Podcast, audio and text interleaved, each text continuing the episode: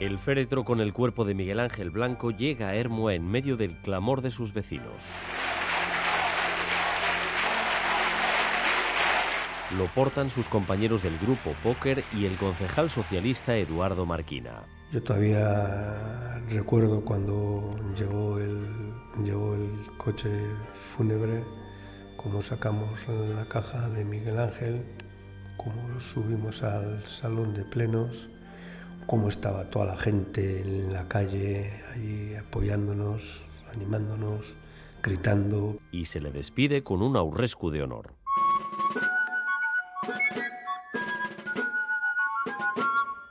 Oficia el funeral el entonces obispo de Bilbao Ricardo Blázquez y en sus palabras ya se percibe el sentir que hay en la calle y que antes ha expresado el Lendakari Ardanza.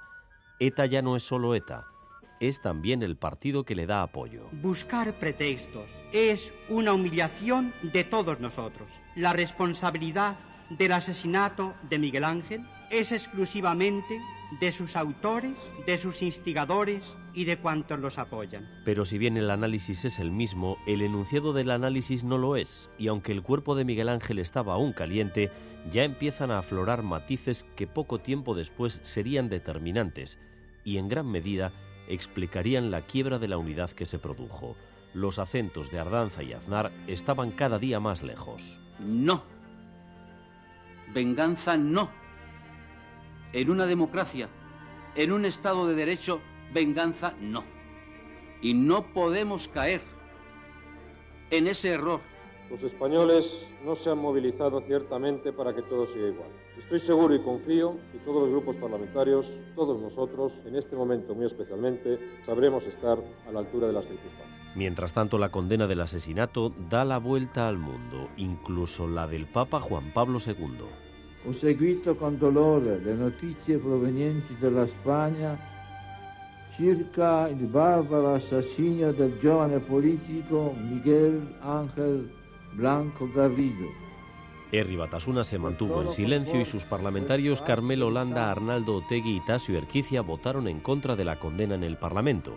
Una vez pasado el funeral, las manifestaciones y vigilias se tornaron en gritos de ira y rabia.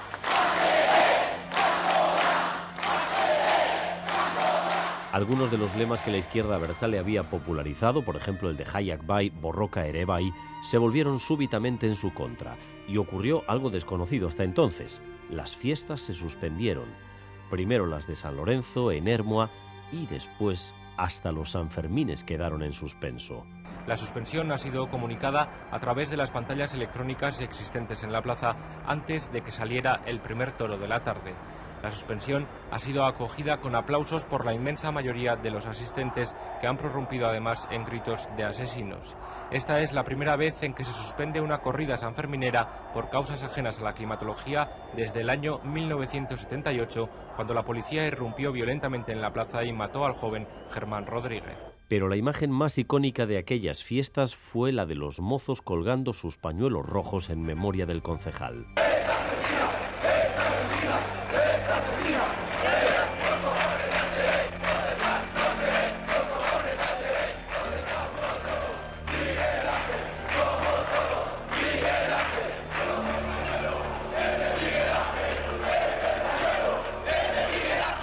Y este grito explica el sentimiento de la gente porque todos empezaron a sentir que si habían matado a Miguel Ángel Blanco podían matar a cualquiera.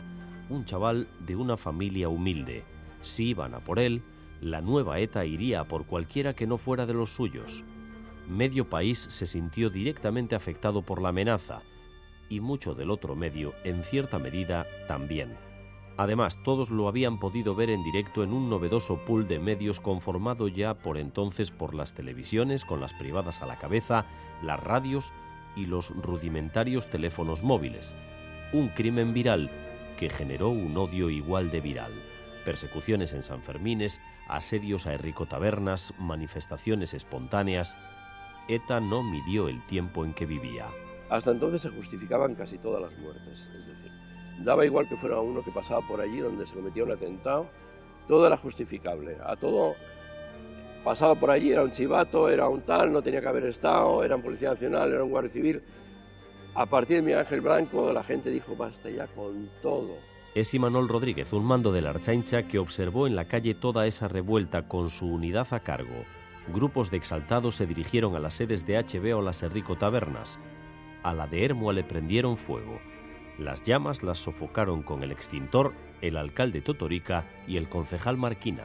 Hay un momento que venimos de una manifestación, creo que era de Bilbao, llegamos al ayuntamiento, están apagando los coches y nos comunica un policía municipal que la sede de Ribatasuna, la Rano, que le habían dado fuego y tal. Cogimos unos tintores y fuimos a apagarlos, no porque era la Rano, sino porque al lado estaba el hogar del jubilado y había un montón de bombonas y se podía preparar la de Dios es Padre. Pero bueno, en fin, a mí más de uno ya me llamó para decirme, oye, ¿tú qué haces apagando el, el fuego? Pues había que hacerlo. El párroco de Hermoa, José Mari Larruscain, rememora aquello como una explosión por cansancio popular, espontánea.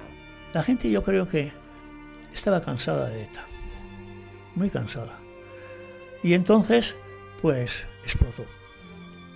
Explotó. Una forma espontánea explotó. Esa forma espontánea venía precedida de ese malestar de la gente se acuñó la expresión el miedo cambia de bando y la Erzaincha pasa de protegerse a ser la que protege. La gente fue hacia Urbieta y fueron en plan de protesta. Allí hubo heridos por el camino, es decir, había unas mujeres de Batasuna que protestaron o les inquepaban a los que protestaban por la muerte de Miguel Ángel Blanco y alguna fue agredida y hubo que pedir ambulancias, hubo que dar protección a las ambulancias para que se fueran. Alguna piedra cayó de la sede de Batasuna que la recogimos. Si el lema Hayak Bay Borroca Erebay se vino abajo con la suspensión de las fiestas, el de Eta Herria Zurekin también fue tuneado, y los archañas protegían las sedes de HB escuchando un grito inédito: Erchaña Herria Zurekin.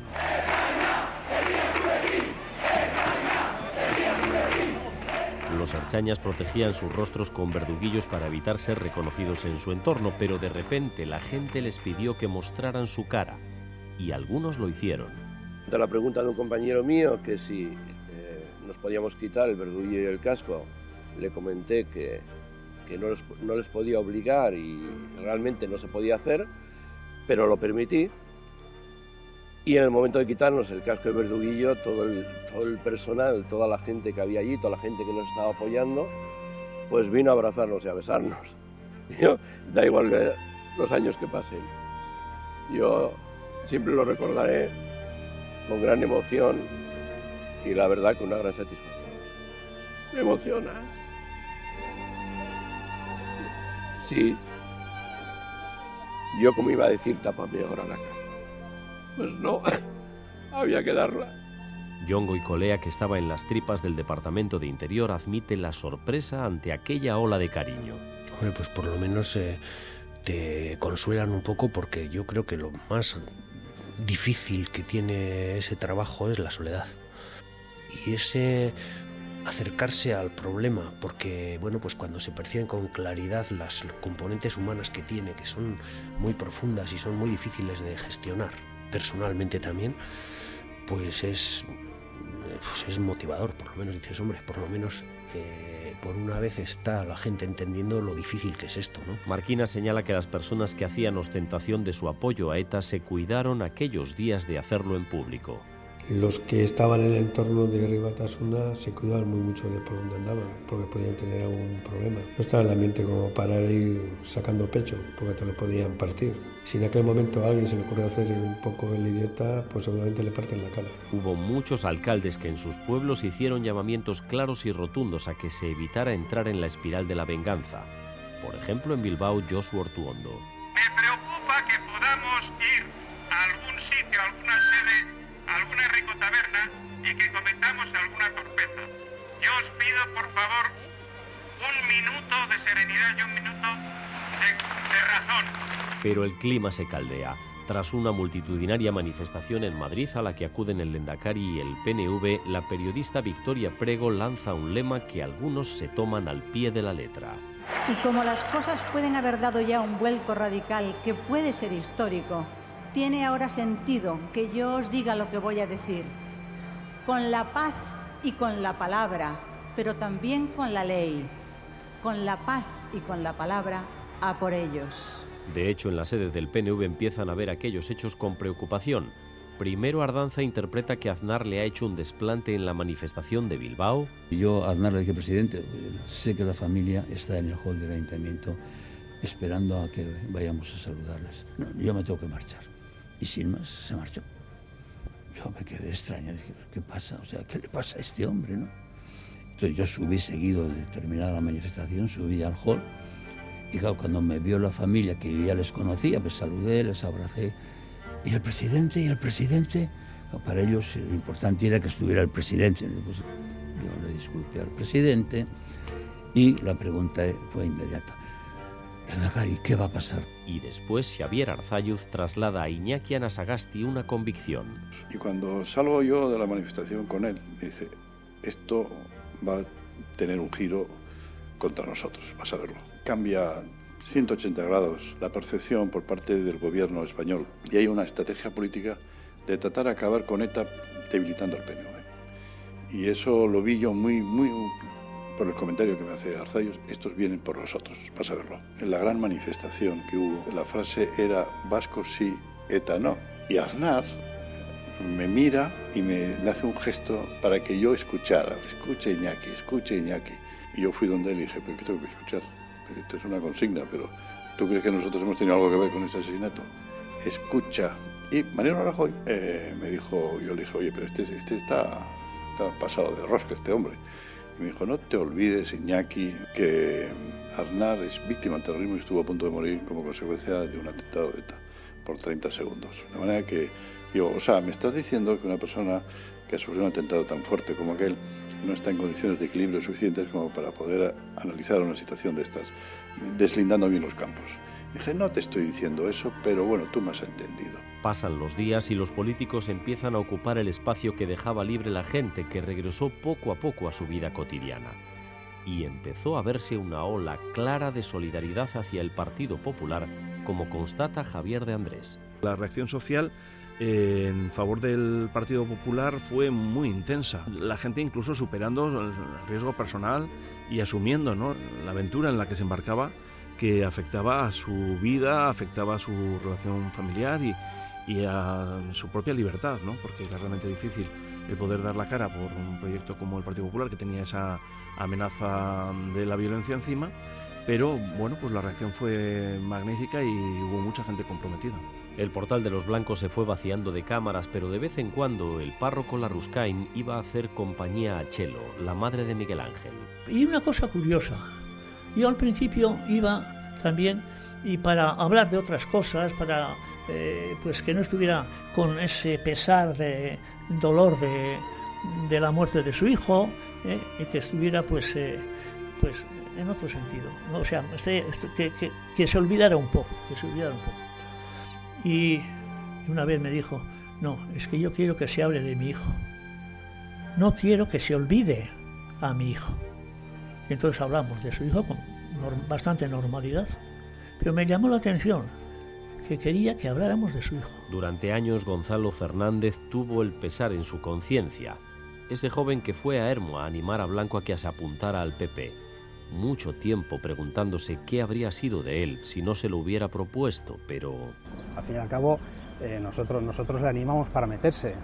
Eh, yo eh, sí le he dado vueltas, porque bueno, te apena mucho, las, las, circunstancias fueron muy duras, durísimas, de todos, pero de este quizá en especial, y porque además era de nuevas generaciones, y por decirlo de alguna manera lo tenía a mi cargo y, bueno, pero, pero, pero, pero, yo, pero, yo, pero nosotros no hicimos nada malo, eh, esto, él, él, tampoco hizo nada malo, eh, hubo alguna gente que decidió que, que, esto tenía que ser así, no fuimos nosotros, nosotros dormimos tranquilos, tenemos no remordimientos, o sea, nuestra conciencia a veces eh, nos juega malas pasadas, pero, pero nosotros no hicimos nada malo. Bingen Zupiría se emociona al recordar la escena del Lendakari subido a un banco hablándole a la gente un sentir que, como admite la prima de Blanco, Nerea Garrido, consistía en pensar que aquello de ETA no terminaría nunca. Se produce una concentración de personas delante de Jurianea que, eh, que quieren que alguien les diga algo. Y eh, en ese momento el Endacari decide salir al paseo y acercarse a la gente y saludarla. Y para hacer ese saludo, el Endacari decide salir al exterior y, y pudo. Antes de, que matasen a Miguel Ángel, yo tenía claro que iba, iba a vivirlo toda la vida.